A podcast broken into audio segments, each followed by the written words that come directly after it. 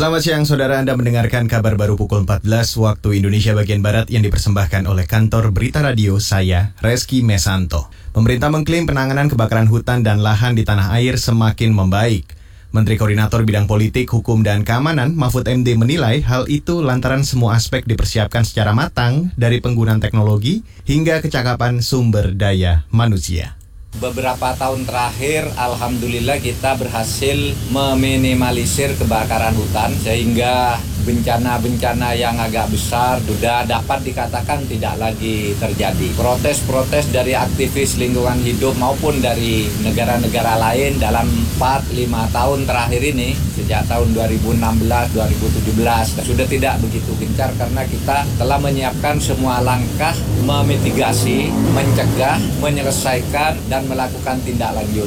Itu tadi Menko Polhukam Mahfud MD. Sementara itu Menteri Lingkungan Hidup dan Kehutanan Siti Nurbaya Bakar menyatakan kementeriannya sudah membaca tren titik panas atau hotspot yang biasa terjadi di beberapa daerah. Selain itu, KLHK juga mempelajari perilaku iklim di daerah-daerah yang rawan karhutla. Menurutnya, penanganan karhutla ke depan akan lebih baik dengan berbagai rekayasa dan prediksi lebih akurat.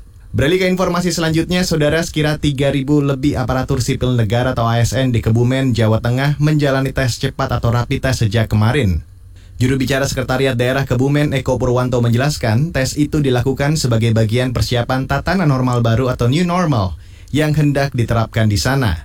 Selain itu, tes dilakukan untuk mengantisipasi penularan COVID-19.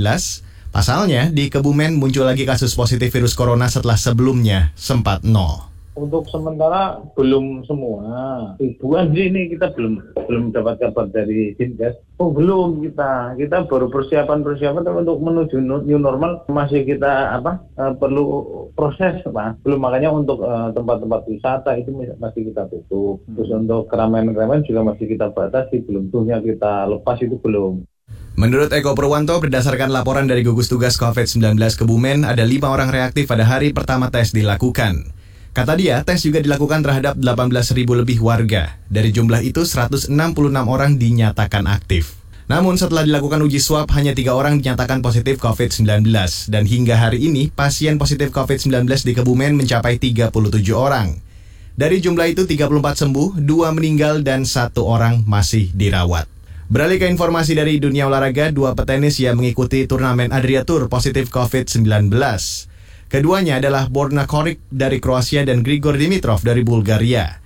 Turnamen yang digelar di Serbia dan Kroasia ini adalah eksebisi yang diinisiasi petenis Novak Djokovic. Pasca temuan kasus positif itu, petenis Inggris dan Evans meminta Novak Djokovic bertanggung jawab. Pasalnya, menurut dia, dua petenis itu diduga terkena virus setelah Djokovic mengadakan pesta dan berjoget dengan para pemain dan peserta lain. Sementara itu, hasil uji tes COVID-19 akan keluar hari ini. Menurut laporan media Serbia, Djokovic akan berbicara kepada publik setelah tes itu keluar. Demikian kabar baru KBR saya Reski Mesanto.